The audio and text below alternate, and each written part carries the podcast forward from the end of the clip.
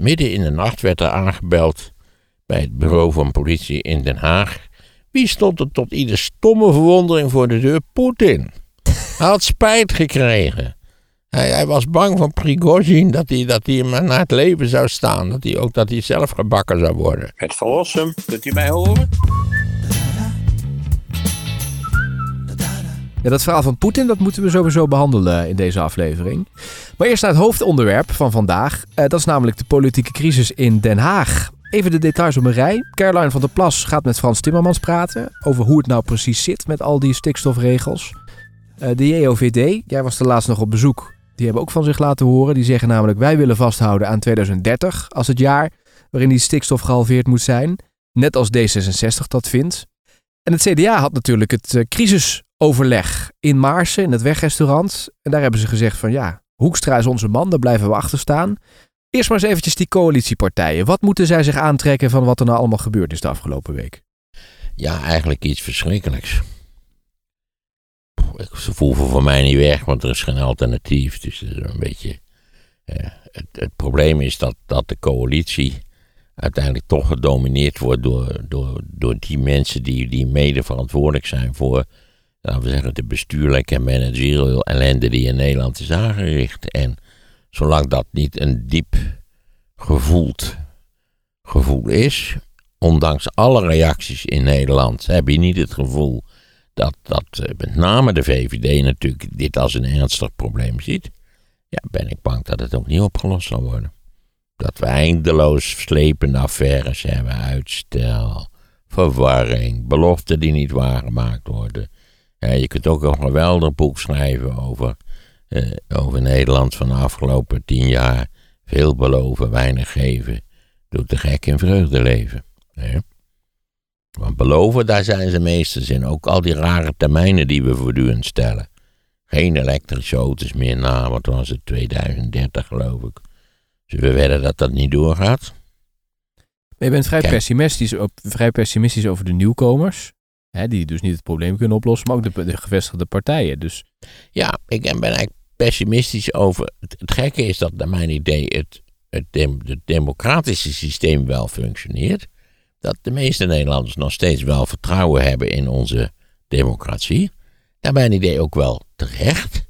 Maar dat, de, dat een groot deel van de bestuurlijke elite in, zich in onvoldoende mate realiseert hoezeer in feite de trein al op diverse punten uit de rails gelopen is. En, en ja, daar, daar, Kijk, gaat het land ten onder omdat ze de schade in, in Groningen niet op tijd compenseren? Nee, natuurlijk. Maar het is een signaal. Hè? Dat is het. Het, het, het. het is het signaal, dat was ook bij, bij, die, eh, ja, bij, die, bij die eindeloos durende formatie. Gaat, gaat het land daardoor ten onder? Nou, nee. De tram, trams rijden op tijd als het goed is. En ja, de NS dan niet, maar goed. Maar in, in principe rijdt er hier en daar wel iets op tijd. Eh, maar het, het, het totale effect van al die dingen die wij zien, nogmaals, die niet direct tot een totale ondergang zullen leiden, dat nou ook weer niet. Maar dat is dat mensen geen vertrouwen meer hebben in hun eigen overheid. En dat is een heel ernstig verschijnsel. En daar is die overheid zelf, dat wil zeggen, daar is de bestuurlijke elite voor verantwoordelijk. Hoe vond je de linkse wolk, hoe die het gedaan hebben? Nou ja, die hebben één zetel gewonnen. Die waren volgens mij dol en dol blij dat ze niks hadden verloren. En bovendien, als je ze bij elkaar optelt, zijn 15 zetels in de Eerste Kamer. Dat is maar één zetel minder dan, dat, dan de BBB-beweging gaat bezetten. Of misschien twee, want het was nog niet helemaal duidelijk wat de blijvende uitslag zou zijn. Maar vind je het tegenvallend? Nee, het viel me niet tegen. Ik was al blij dat ze niks verloren hadden. Maar uiteindelijk zal Rutte... Sterker nog, ook het verlies van D66 viel me 100% mee. En, en D66 viel het ook 100% mee. Dat is, was wel mijn indruk in ieder geval. Hmm. Maar ze, gaan ze nou invloed krijgen?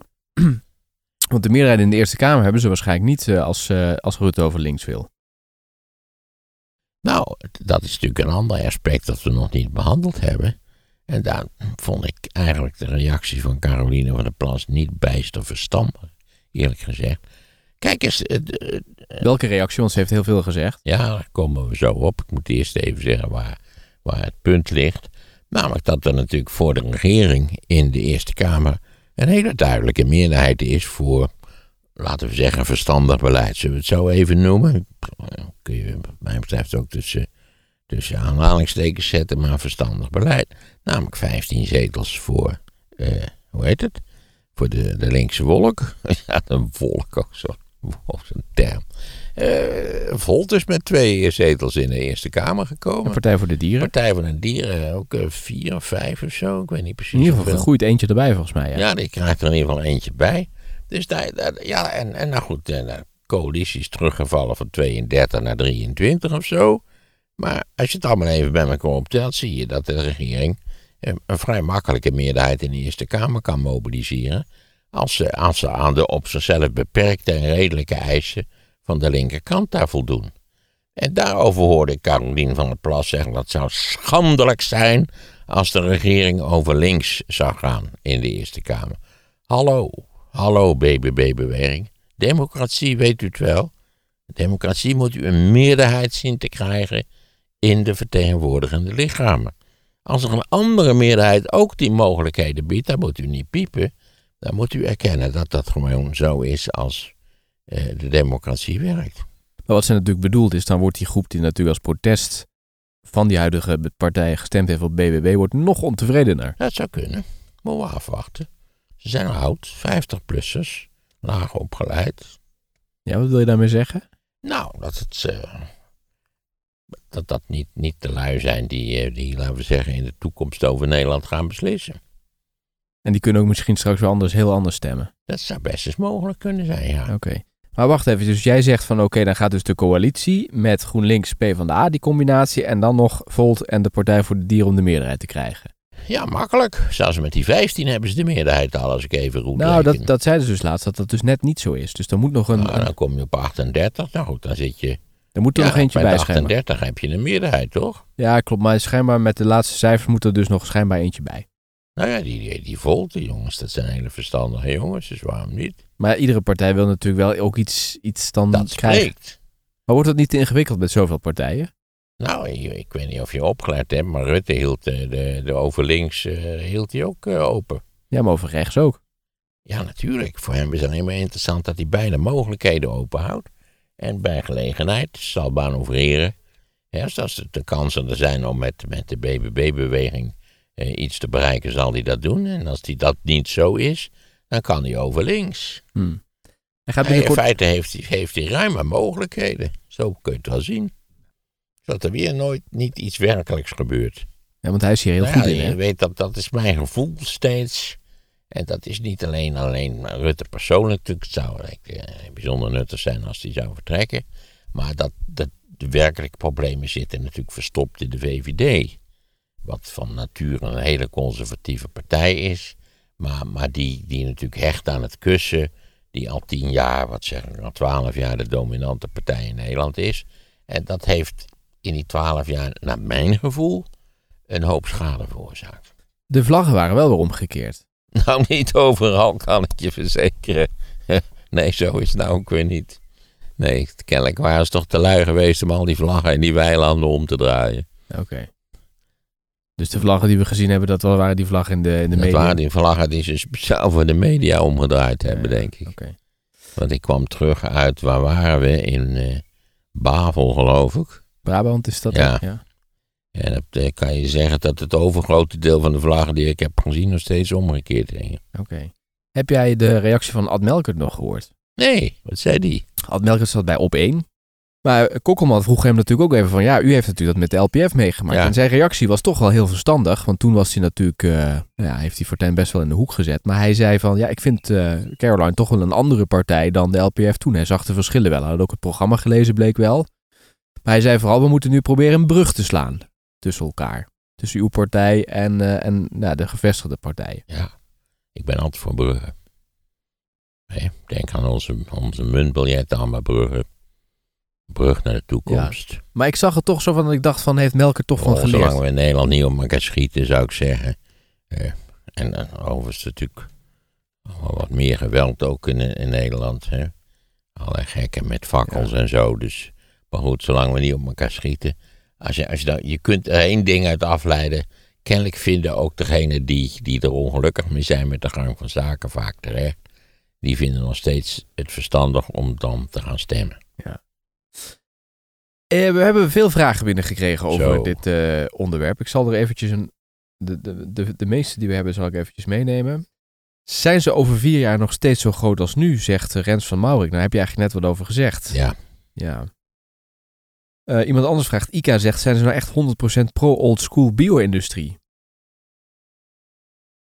ik heb begrepen dat, eh, dat ze in hun verstandige momenten ook geloof ik wel begrijpen eh, dat er wel iets gedaan moet worden, maar het, het idee dat, dat die bio-industrie, dat, nou ja, wat die man van D66 altijd roept, ze moeten de veestapel halveren, dat zit er niet in.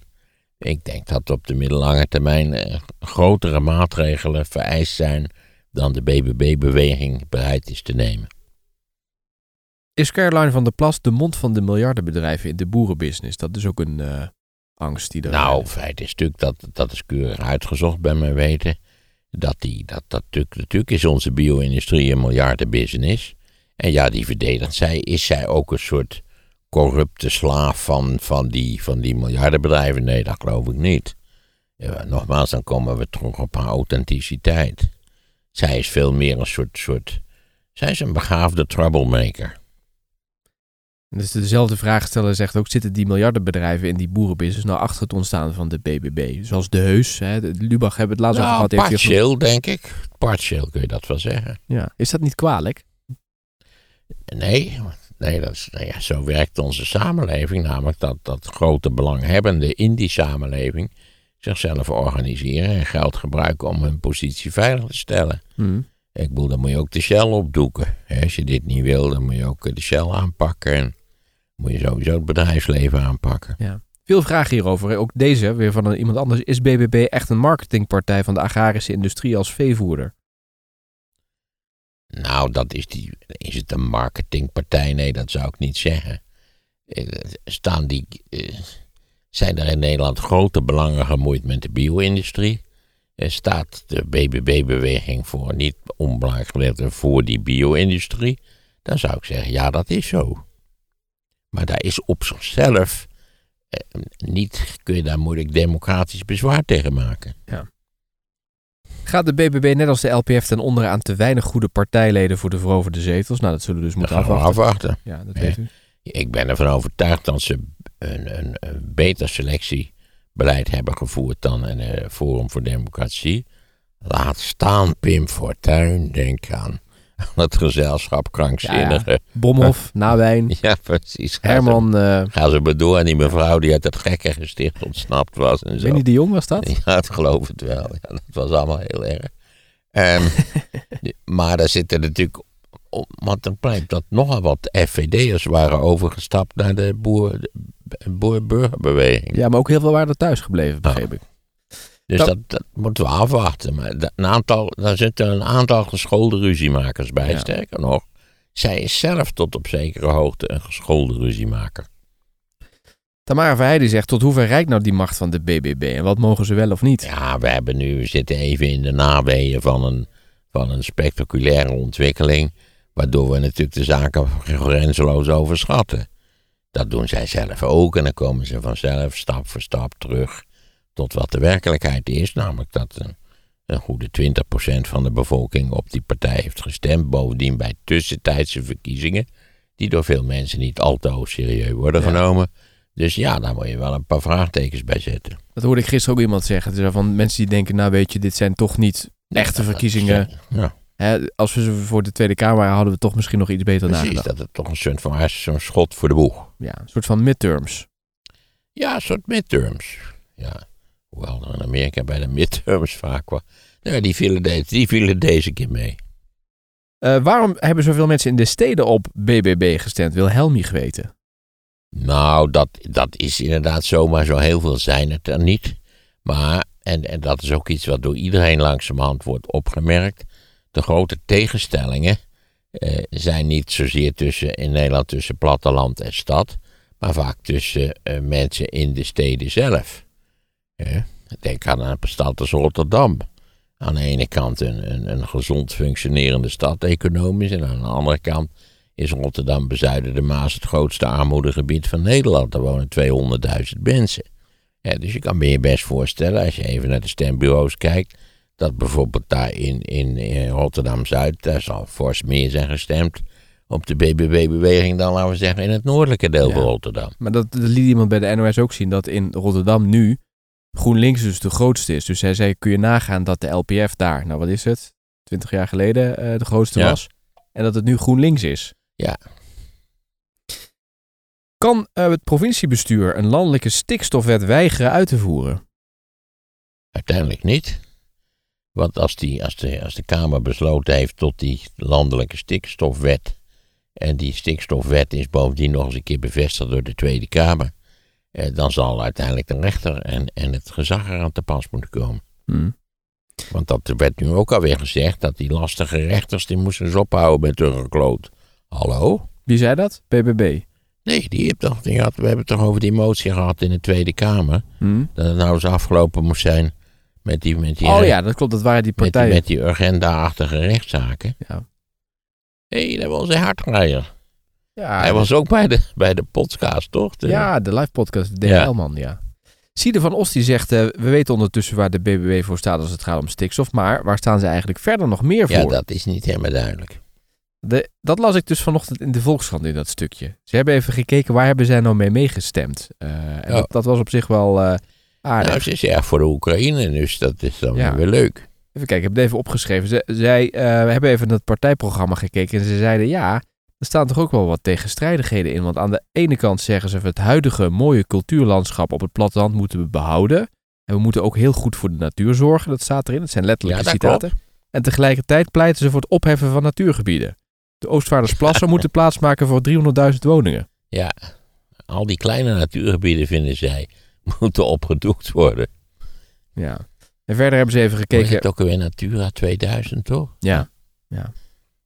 Ze hebben ook even gezocht van hoe denkt BBB nou over de gezondheidszorg, het begrotingsbeleid of defensie. Nou, daar is vrij weinig over te vinden. Omdat ze daar natuurlijk ook, dat voel je wel aan je water, toch? Verder geen pasklaar of nuttige oplossingen voor hebben, die heeft niemand. Nee. Asiel en migratie komt er wel weer heel veel in voor in het partijprogramma. Ze zeggen economische gelukszoekers, zoals ze die noemen, die zijn niet welkom in Ne- Nederland. En echte vluchtelingen, die moeten zoveel mogelijk worden opgevangen in de regio. En de partij is ook voor een tijdelijke Zolang asiel... de regio niet Oeganda blijkt te zijn. ja. hè? Ja. En de partij is voor een tijdelijke asielstop en tegen de spreidingswet die gemeente kan dwingen om die asielopvangplaatsen Ja, te ik creëren. ben natuurlijk vanzelfsprekend een flinke voorstander van de verstra. Ik vind dat heel kortzichtig allemaal. Dan weet je dus dat er, dat er allerlei ongelukkige tentenkampen ontstaan op, op locaties die niet deugen. Eh, het wordt gewoon tijd dat we de realiteit aanvaarden dat we een immigratieland zijn. Dat is gewoon zo, afgezien van het feit dat natuurlijk voor de arbeidsmarkt op de lange termijn wel nuttig is dat er mensen binnenkomen, aangezien anders de Nederlandse bevolking fors en snel zou krimpen. Hm. Ik weet niet of je dat over Duitsland hebt gelezen. Nee, wat was in daar? feite een miljoen arbeidskrachten verloren gaan jaarlijks door pensionering. En, en ja, Duitsland is natuurlijk in allerlei opzichten nog een, nog een maakeconomie. Dus dat kan heel problematische gevolgen hebben. Sterker nog, ik wil nou niet zeuren, hier zittend in een Duitse auto. Eh, maar eh, wat weer natuurlijk heel typisch is van dit hele toneelstuk met de BBB-beweging, is dat Europa er natuurlijk niet in voorkomt. En, eh, en dat het wel handig zou zijn als we ons wat meer bewust zouden zijn van het feit dat veel van onze politieke problemen natuurlijk ook te maken hebben met Europa. En dat deels de oplossingen en de problemen door, ook door Europa moeten worden aangereikt. Ja, maar goed, dan heb je wel wat te kiezen. Dan heb je Volt, waar je op kunt kiezen, en D66. Zeker. Ja, Maar je vindt dat ze daar wel zich over dat moeten dat uitspreken? Volt wel een redelijke toekomst heeft. De- Ook een andere vraag, die wordt ook eh, wel ehm, beantwoord als je naar het kieskompas uit 2021 kijkt. Van waar, kijkt, waar staat de BBB nou? En dat kieskompas deelt dus op van links naar rechts, hè, op die schaal. Ze worden als eh, iets progressiever dan de SGP ingedeeld, maar conservatiever dan CDA en VVD. En op de links-rechts schaal staat BBB precies tussen CDA en VVD in. Ja, dat denk ik dat dat wel klopt. Kijk maar, waar hebben ze de meeste stemmen vandaan gehaald? VVD, CDA, PVV. Ja. Maar ze vindt het niet leuk, Caroline, dat, het een recht, dat ze rechtse partij genoemd wordt. En dan zegt ze altijd, kijk maar naar mijn stemgedrag in de Tweede Kamer.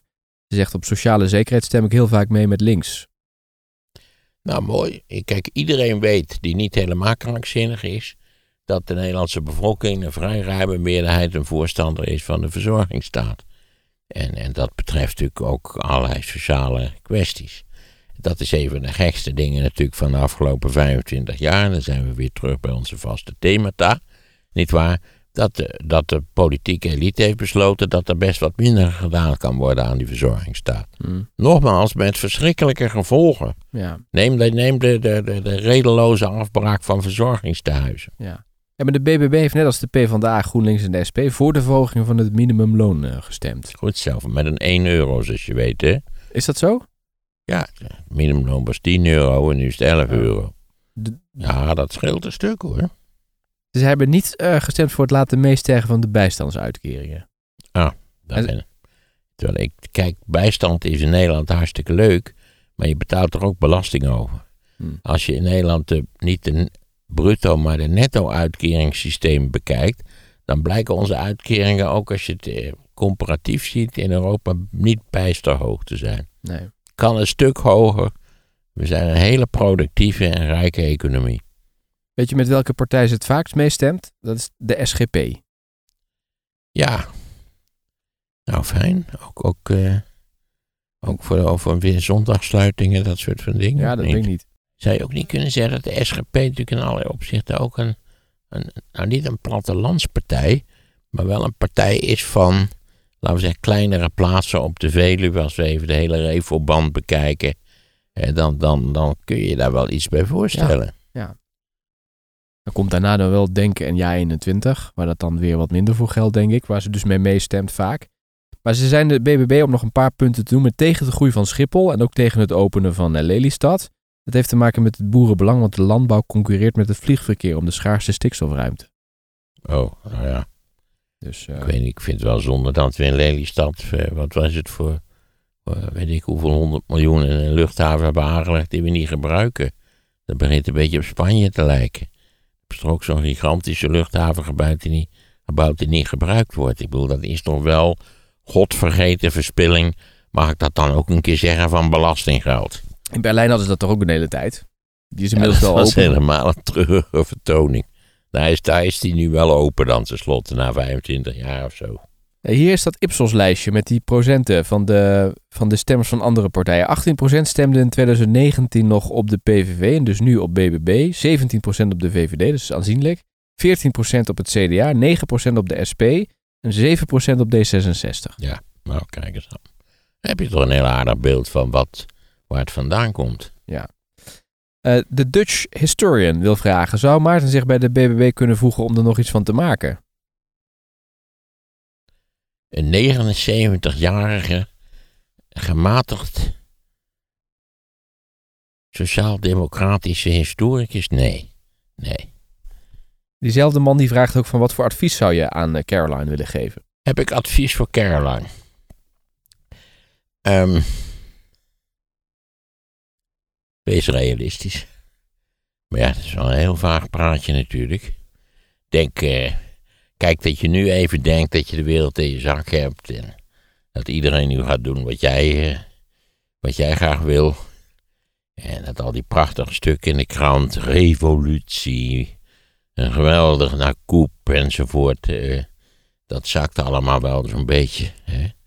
Eh, en dan zul je, eh, als je beloofd hebt wat je, als je gezegd, als je gaat doen wat je beloofd hebt, dan zul je dus inderdaad eh, tot compromissen bereid moeten zijn.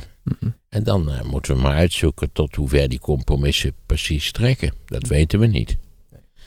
Maar dat je het hele land maar in je hand kunt zetten, dat kun je rustig vergeten. Stef wil weten in hoeverre valt de BBB te vergelijken met de, de Boerenpartij, Boer Koekoek en soortgelijke partijen uit het verleden. Nou, kijk, ook bij Boer Koekoek was de aanleiding voor die problemen, die was heel concreet. Die betrof het landbouwschap. Veel boeren wouden geen lid worden van het landbouwschap. En die hadden dus ook geen zin om contributie te betalen. En de overheid greep daar keihard in door die boeren die hun contributie betaald, niet, niet, niet betaald hadden. Daar werden de bedrijven van geveild om de contributie te innen. En dat leidde weer tot organisatie van de boeren, want die gingen dan dat, dat die boerderij kopen die geveild werd. Voor een of andere rechtschappelijke prijs, zal ik maar zeggen. Die zorgde dat ze niet tegen elkaar op gingen bieden. Nou, kunt je er iets bij voorstellen. Ja, dat, dat, dat hele landbouwschap was uiteindelijk, denk ik, toch een, ja, een mislukte constructie die van direct na de oorlog dateerde. Mm. Het idee dat dat allemaal op een soort corporatistische basis door de overheid georganiseerd moest worden. En dan moet ik je eerlijk bekennen. Weet ik wel of er ooit een eind gekomen is aan die landbouwschappen? Hoe dan? Eh, Is dat getransfereerd in een ander soort van organisatie? Is dat, heeft dat nog iets met die LTO te maken? Daar ben ik dus te weinig van op de hoogte. Maar goed, het, het, hele boer Koekoek had een hele concrete aanleiding. Wat juist zo verrassend was, was dat tal van mensen in de grote steden en in de achtergebleven wijken tot ieders totale verrassing op boer Koekoek stemden. Die natuurlijk een uitgesproken anti-establishment figuur was. Bovendien ook op zijn hoogst eigenaardige wijze bijzonder geestig. Maar daar zit wel een kleine parallel met eh, Caroline. Ja, zeker. Dat je dus, in feite heeft Caroline, voor zover ik het kan zien, uiteindelijk beperkte belangen. Namelijk eh, anti-stikstof, maar dat heeft te maken met het behoud van de boerenstand in zijn huidige vorm. Niet waar? En dat was tot op zekere hoogte ook het, het belang van boer. Dat we zeggen, zij, zij wilde gewoon niet betalen. Ze zei, ja, we hebben helemaal geen zin om lid te worden van die organisatie. Waarom moeten we dat dan doen? Nou ja, daar greep de overheid dus keihard in. Dat zou nu niet meer gebeuren, denk ik.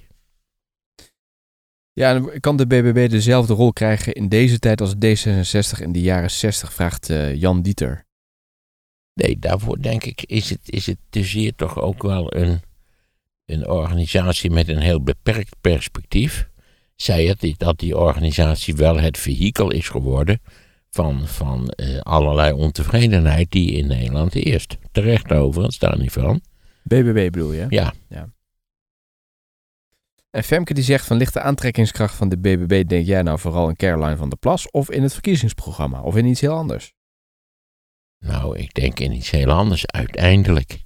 Zij is natuurlijk wel degene die dit belichaamd heeft.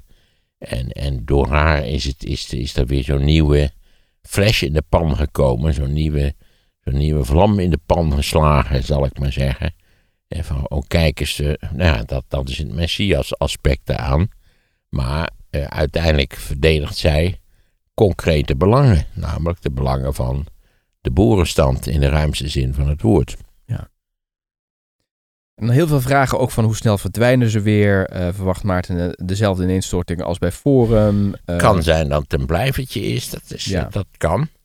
En dan moet ze dat handig uitspelen op het succes wat ze nu gehad heeft. Met name door natuurlijk het CDA op te vreten. Ja. Misschien kan ze Wopke polsen voor een prominente positie. Ja. Hoe heb je daarna nog naar gekeken, naar hoe Wopke reageerde op de nederlaag? Nou ja, wat moet je doen in zo'n geval? Je hebt het aanzien komen, je weet dat je een ongelofelijke daverende klap krijgt.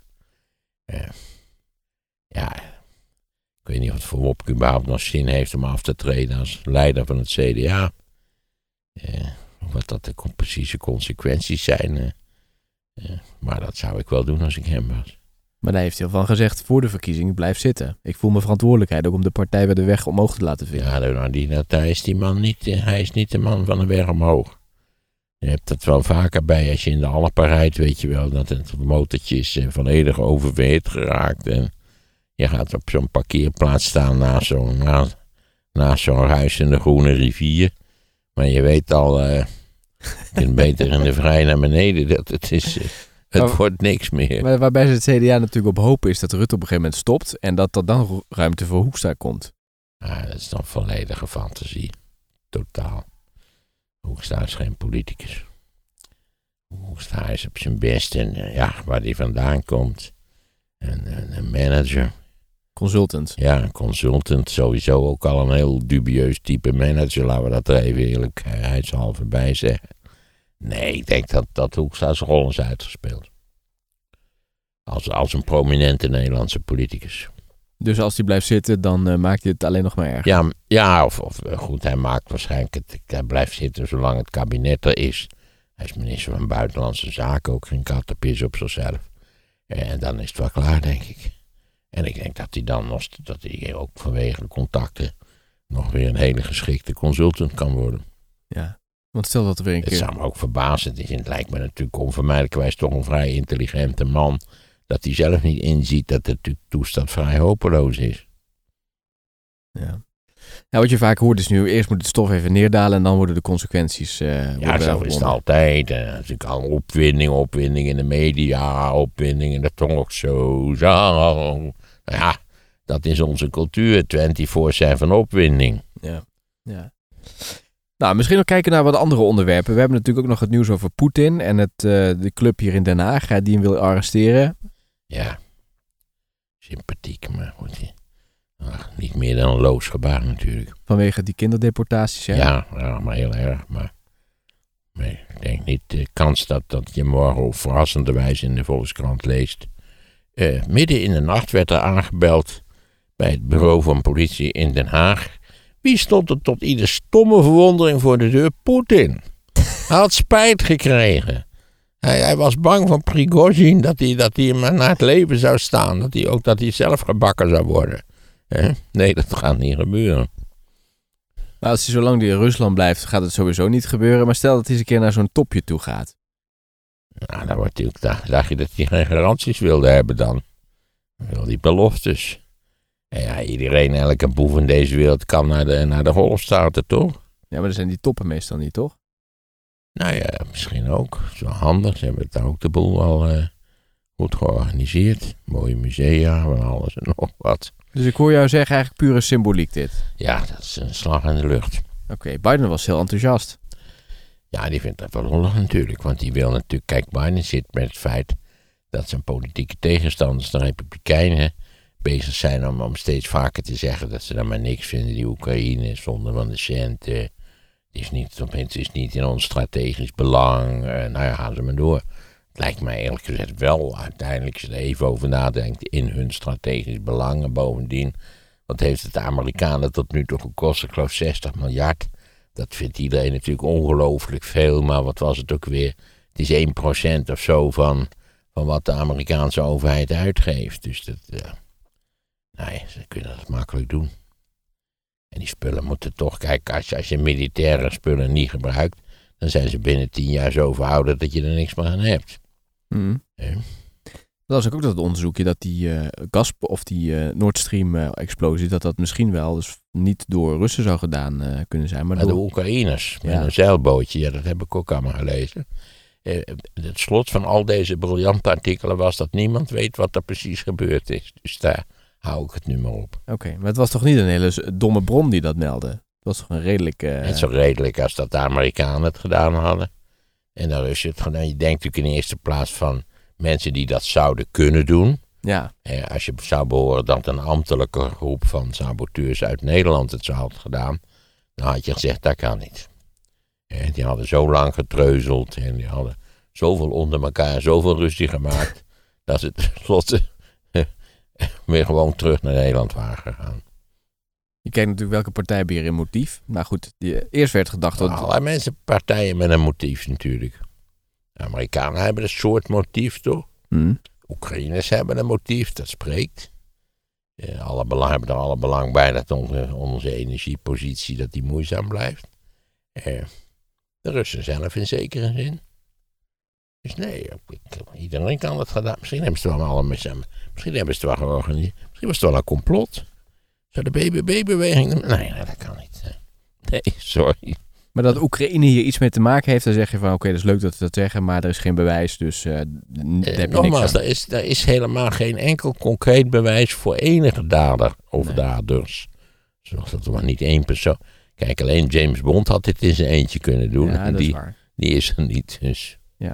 En eh, de procedure voor Finland eh, om toe te treden tot de NAVO, die gaat ook vrolijk door. Maar Zweden zit nog steeds in de wachtkamer, hè? Ja, gaat dat, dat moet, duren? dat moet gewoon een keer doorbroken worden.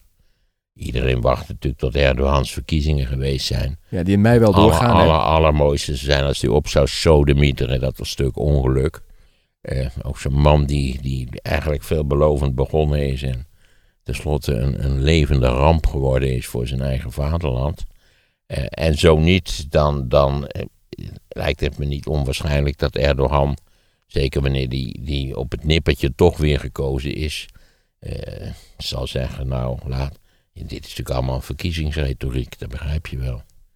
Eh, altijd een geschreeuw over Europa, allemaal fascisten en alle vergaren, terrorismebestrijders enzovoort. eh. Nee, dus dat, zo denk ik dat het af zal lopen wanneer die verkiezingen zijn dit voorjaar. Er was nog even sprake van dat ze misschien uitgesteld zouden worden hè, door eh, de aardbevingen. Maar eh, ik begreep dat de datum toch ergens in mei is vastgesteld. Dus Nou ja, dan denk ik toch dat na mei dat Zweden... Ik neem aan dat ook de voorbereidingen voor Zweeds lidmaatschap gewoon doorlopen. hmm. En denk je dat die verkiezingen eh, in Turkije dat dat eerlijk verloopt? Nou, helemaal eerlijk lijkt mij zeer onwaarschijnlijk. Maar laten we hopen dat het min of meer eerlijk is. En, en kijk, als het, als het werkelijk schreeuwend oneerlijk is... dan heb je natuurlijk wel een kans dat er, dat er eh, echt zeer omvangrijk tegen geageerd gaat worden. Dat zou kunnen. Maar het is anders dan Maar ik, ik weet niet. Turkije is in allerlei opzichten een ongelukkig land. Het, het, het kan wat, het zou iets kunnen worden en het zit zichzelf in allerlei opzichten, ook politiek gesproken, in de weg. En, en Erdogan zit zijn eigen land natuurlijk bij uitstek in de weg. Maar ja, zolang natuurlijk die, die hele conservatieve oostkant van het land er wel wat in ziet, eh, blijf je zitten met zoveel. Nou ja, kijk naar Polen. Ook zo'n probleem. Hè? Alle verstandige Polen vertrekken naar West-Europa. En dan hou je dit over. Nou, misschien ook wel iets gener- te generaliserend gesteld. Ja. Nee, heel veel politieke leiders.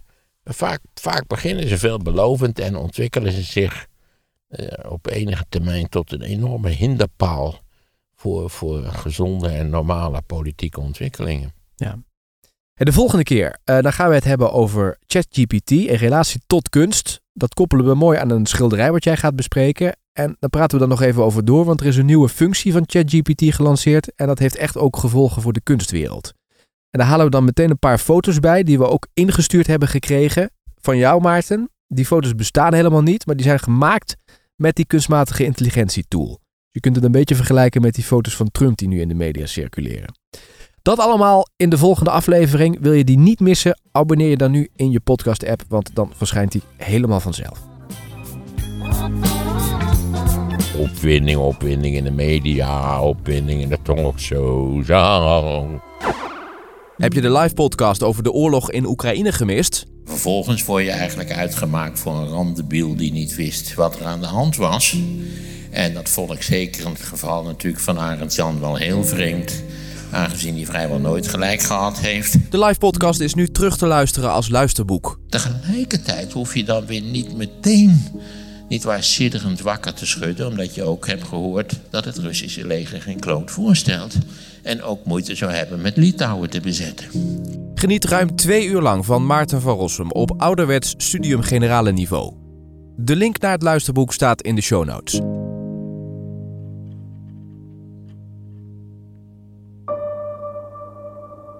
Als je de missie van dit bedrijf hoort, wil je er waarschijnlijk vandaag nog aan de slag. Welk bedrijf dat is en waarom zij mensen in de rij hebben staan om voor hen te komen werken, hoor je in de nieuwe aflevering van Sea Level. De link staat in de show notes, zodat je hem meteen kunt luisteren. En denk je erover na om ook een podcast te maken? Kijk dan op streamy.audio. Streamy met een Y.